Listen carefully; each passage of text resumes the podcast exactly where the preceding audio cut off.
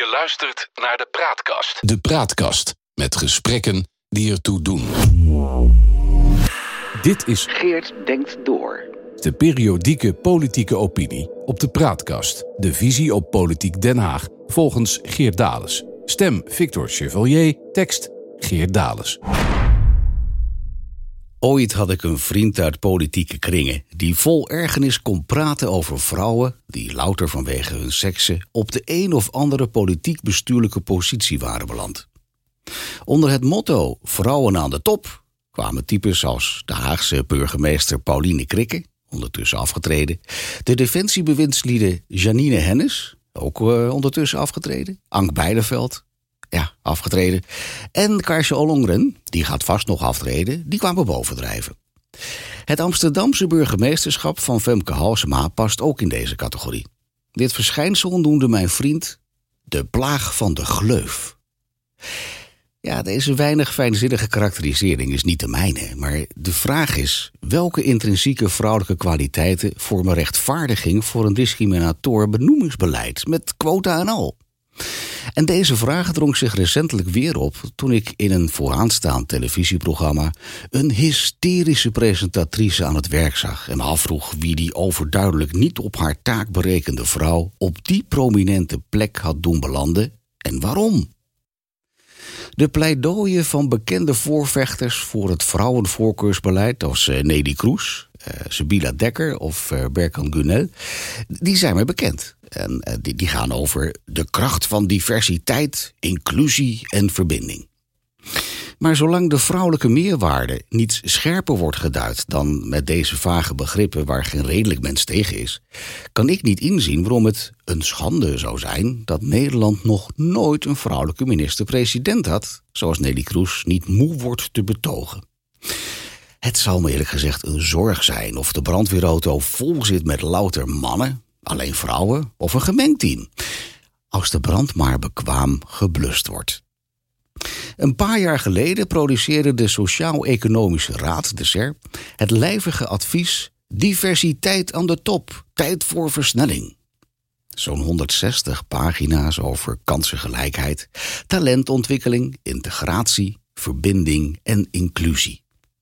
Ook het business case argument, bedrijven met meer vrouwen in de top zouden beter renderen, ontbrak niet. Heterogene teams zijn succesvoller, poneerde de SER. Zonder de vraag te beantwoorden waar dat dan door komt, anders dan, ja, daar zijn ze weer, diversiteit, inclusie en verbinding. Maar het is zo dwingend opgeschreven dat je er amper een kritische vraag over durft te stellen. Want gauw sta je te boek als vrouwenhater. Of, sinds ook mensen van kleur zijn toegevoegd aan het voorranglijstje, als racist.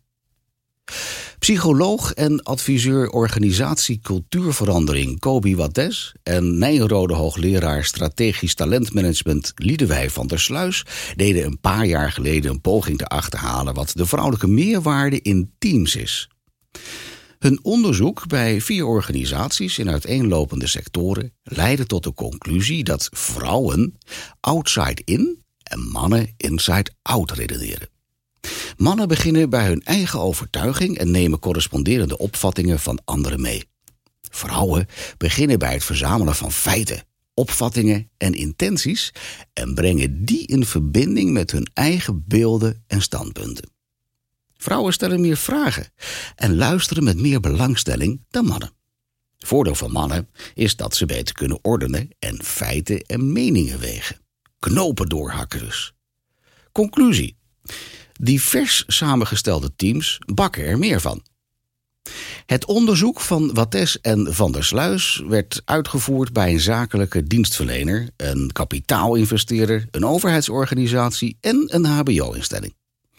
Het diversiteitsbeleid is middel ton in alle sectoren van de samenleving. Het lijkt mij dan ook zinvol het onderzoek naar nut, noodzaak en aanpak fors te verbreden. Laten we beginnen met de publieke omroep. Waar het voorkeursbeleid voor vrouwen, onder leiding van de recent afgezwaarde NPO-baas Shula Rijksman, een hoge vlucht heeft genomen en er tegelijkertijd een opvallend getuigenisgedrag is ontstaan onder het presenterende journaaien. Zou het een samenhangen met het ander? Actuele aanleiding voor zijn onderzoek vormt het optreden van tv-presentatrice Maaike Schoon tijdens een interview op zondag 13 maart 2022 in het programma Buitenhof met de Russische ambassadeur in Nederland, dat is Alexander Shulgin. Het was een verbijsterende illustratie van de gevolgen van het dwangmatig benoemen van een vrouw en het om die reden bagatelliseren van een ondermaatse cv. Nadat presentatrice Natalie Wrighton eind 2020 vertrok, waren er meerdere vakbekwame mannelijke opvolgers beschikbaar. Maar nee, het moest en zou een vrouw worden. Maaike Schoon dus. Die geen enkele ervaring had in het vak van tv-presentator of interviewer. En eh, naast haar werk als redactiehulp bij Buitenhof slechts kon bogen op een incidenteel gespreksleiderschap in Amsterdamse praathuizen. Ambassadeur Shulgin werd door Maaike Schoon geïnterviewd over de oorlog in Oekraïne. Of beter gezegd, schoon, ik stel je de vragen. Ze schold hem tien minuten lang uit, omdat hij braaf de agitproplijn van het Kremlin volgde. Maar wat kon de man anders? Als hij geen beroepsmatig doodvonders over zichzelf wilde afroepen. Een professionele interviewer had dat begrepen. En de vragen zodanig voorbereid dat er iets nieuwswaardigs ter tafel zou komen. Schoon miste die vakbekwaamheid en was er ook alleen maar op uit een getuigenis af te leggen. Jij bent een schoft. En ik deug.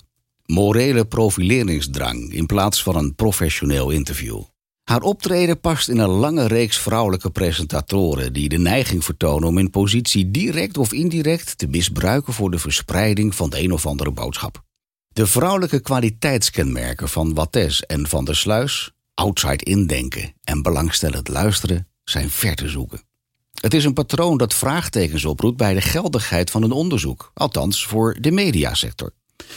Als de hang naar diversiteit, inclusie en verbinding en de daaraan verbonden vrouwenprivileges journalistieke professionaliteit in de weg zit, is het middel erger dan de kwaal. Ik wilde per se een vrouw als enker van het programma dat De Wereld Draait Door verving. En het is Margriet van der Linden geworden. Dat vertelde NPO-baas Shula Rijksman in november 2018 in een Volkskrant-interview. Interviewster Nathalie Huigsloot vroeg niet naar het waarom.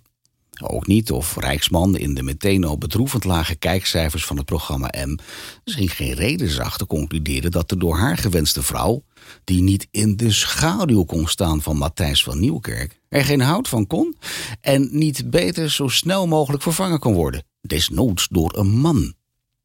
Nou, we zijn ruim drie jaar verder en nog steeds is het huilen met de pet of bij hem.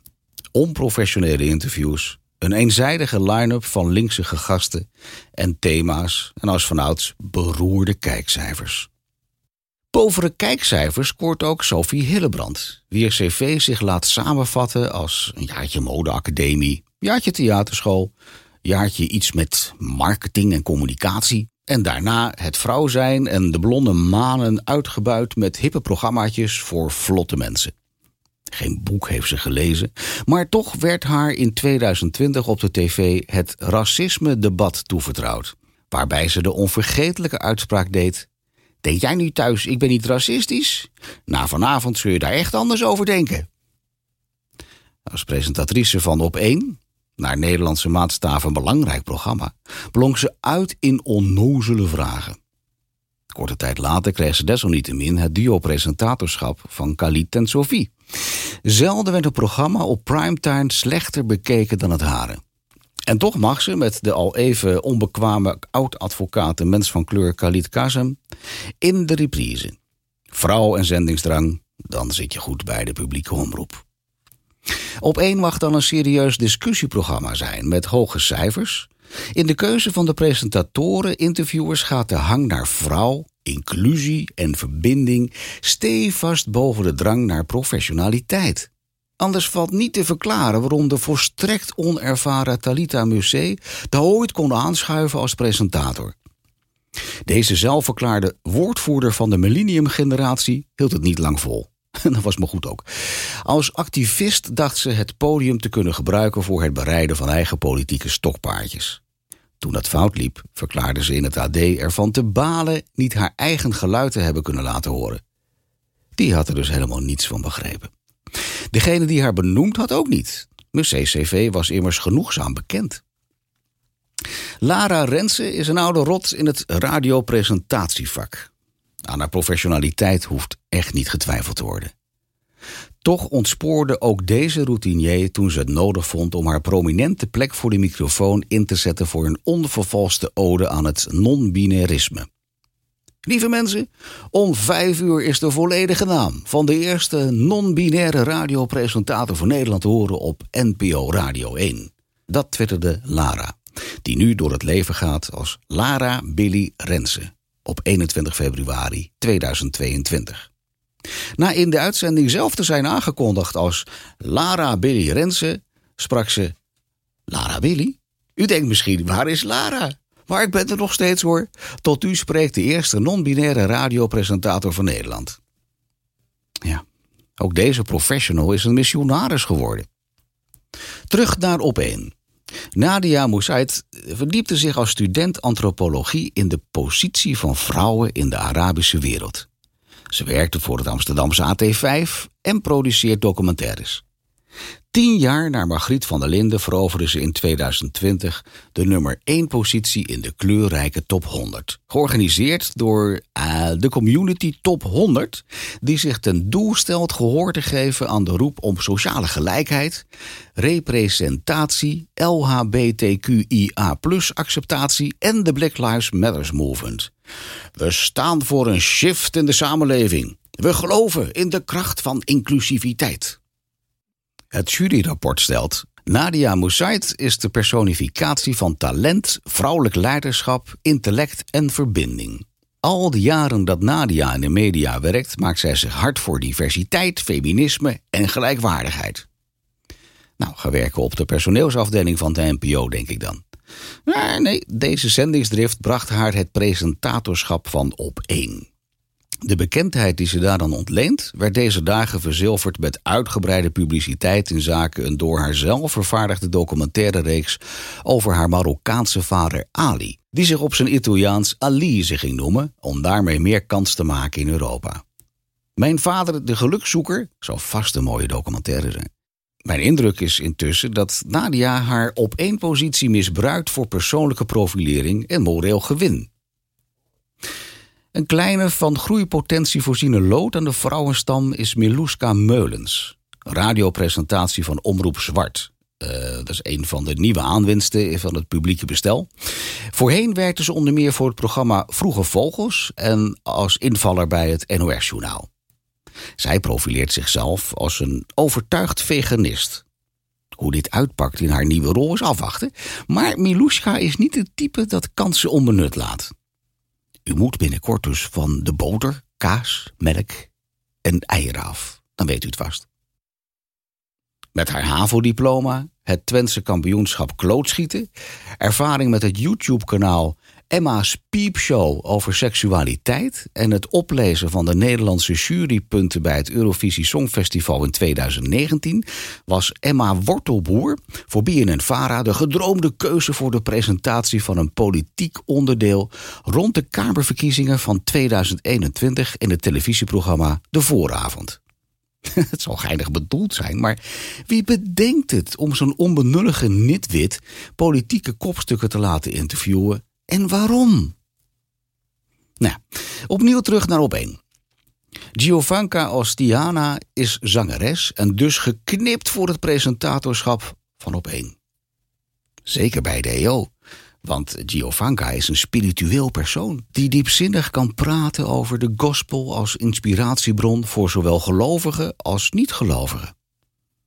Dat kunnen we wel gebruiken in deze tijd sprak zij devoot. Toen ze tijdens de coronalockdown te gast was in een tv-programma. waarin ze het over de ziel van de gospel mocht komen praten. Welk programma dat was? Op één. Nee, ik verzin het niet, echt waar. Ze kregen ruim baan om uit te wijden over de rol van de gospel tijdens de slavernijperiode. als expressie van pijn, hoop, kracht, troost en overwinning. Door gospel kun je contact maken met God, al dus de presentator van een prominent discussieprogramma van de publieke omroep. Op één is een heus broeinest van missionarisch ingesteld talent. Ja, ook Natasha Gibbs, erkend strijdster tegen racisme en discriminatie, belandde er op de presentatorstoel. Deze dochter van Jehovah's getuigen bleek in fanatieke gelovigheid niet onder te doen voor haar ouders toen ze losging op J.K. Rowling, auteur van de Harry Potter boeken. Transfoob, oordeelde ze, nadat Rowling, bezig met een boek waarin een transgender figureert, op de social media op zoek ging naar informatie en daarbij de indruk had gewekt het vervangen van seksen door gender ridicuul te vinden. Meteen sleepte Gibbs Nederlands bekendste transgender Valentijn de Hing voor de microfoon om de vloer aan te vegen met zoveel transgenderhaat. Vreselijk voor jonge mensen die in transitie gaan, orakelde Gibbs, die ook nog een geschiedenis deelt met Emma Wortelboer als presentator van de Nationale 2021-test. Presentatrice van het NOS-journaal en radioprogramma Simone Wijmans verdient een eervolle vermelding in deze race. Schoenmaker, blijf bij je leest. En ga niet Lara Rensen achterna in een of ander activisme. Dat is mijn advies aan deze vakvrouw.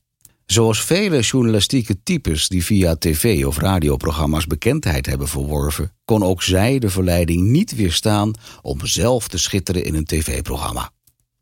In haar geval verborgen verleden, waar ze in de geschiedenis duikt van haar voorouders en als vrouw van kleur onvermijdelijk belandt in gesprekken over het Nederlands koloniale verleden en de slavernij.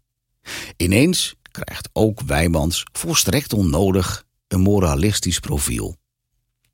Tot slot van deze niet uitputtende lijst mogen we Lisette Wellens, Maaike Timmermans, Raquel Schilder, ja, en andere vrouwen die betrokken waren of zijn bij het dagelijkse ochtendprogramma Goedemorgen Nederland van WNL niet ontbreken.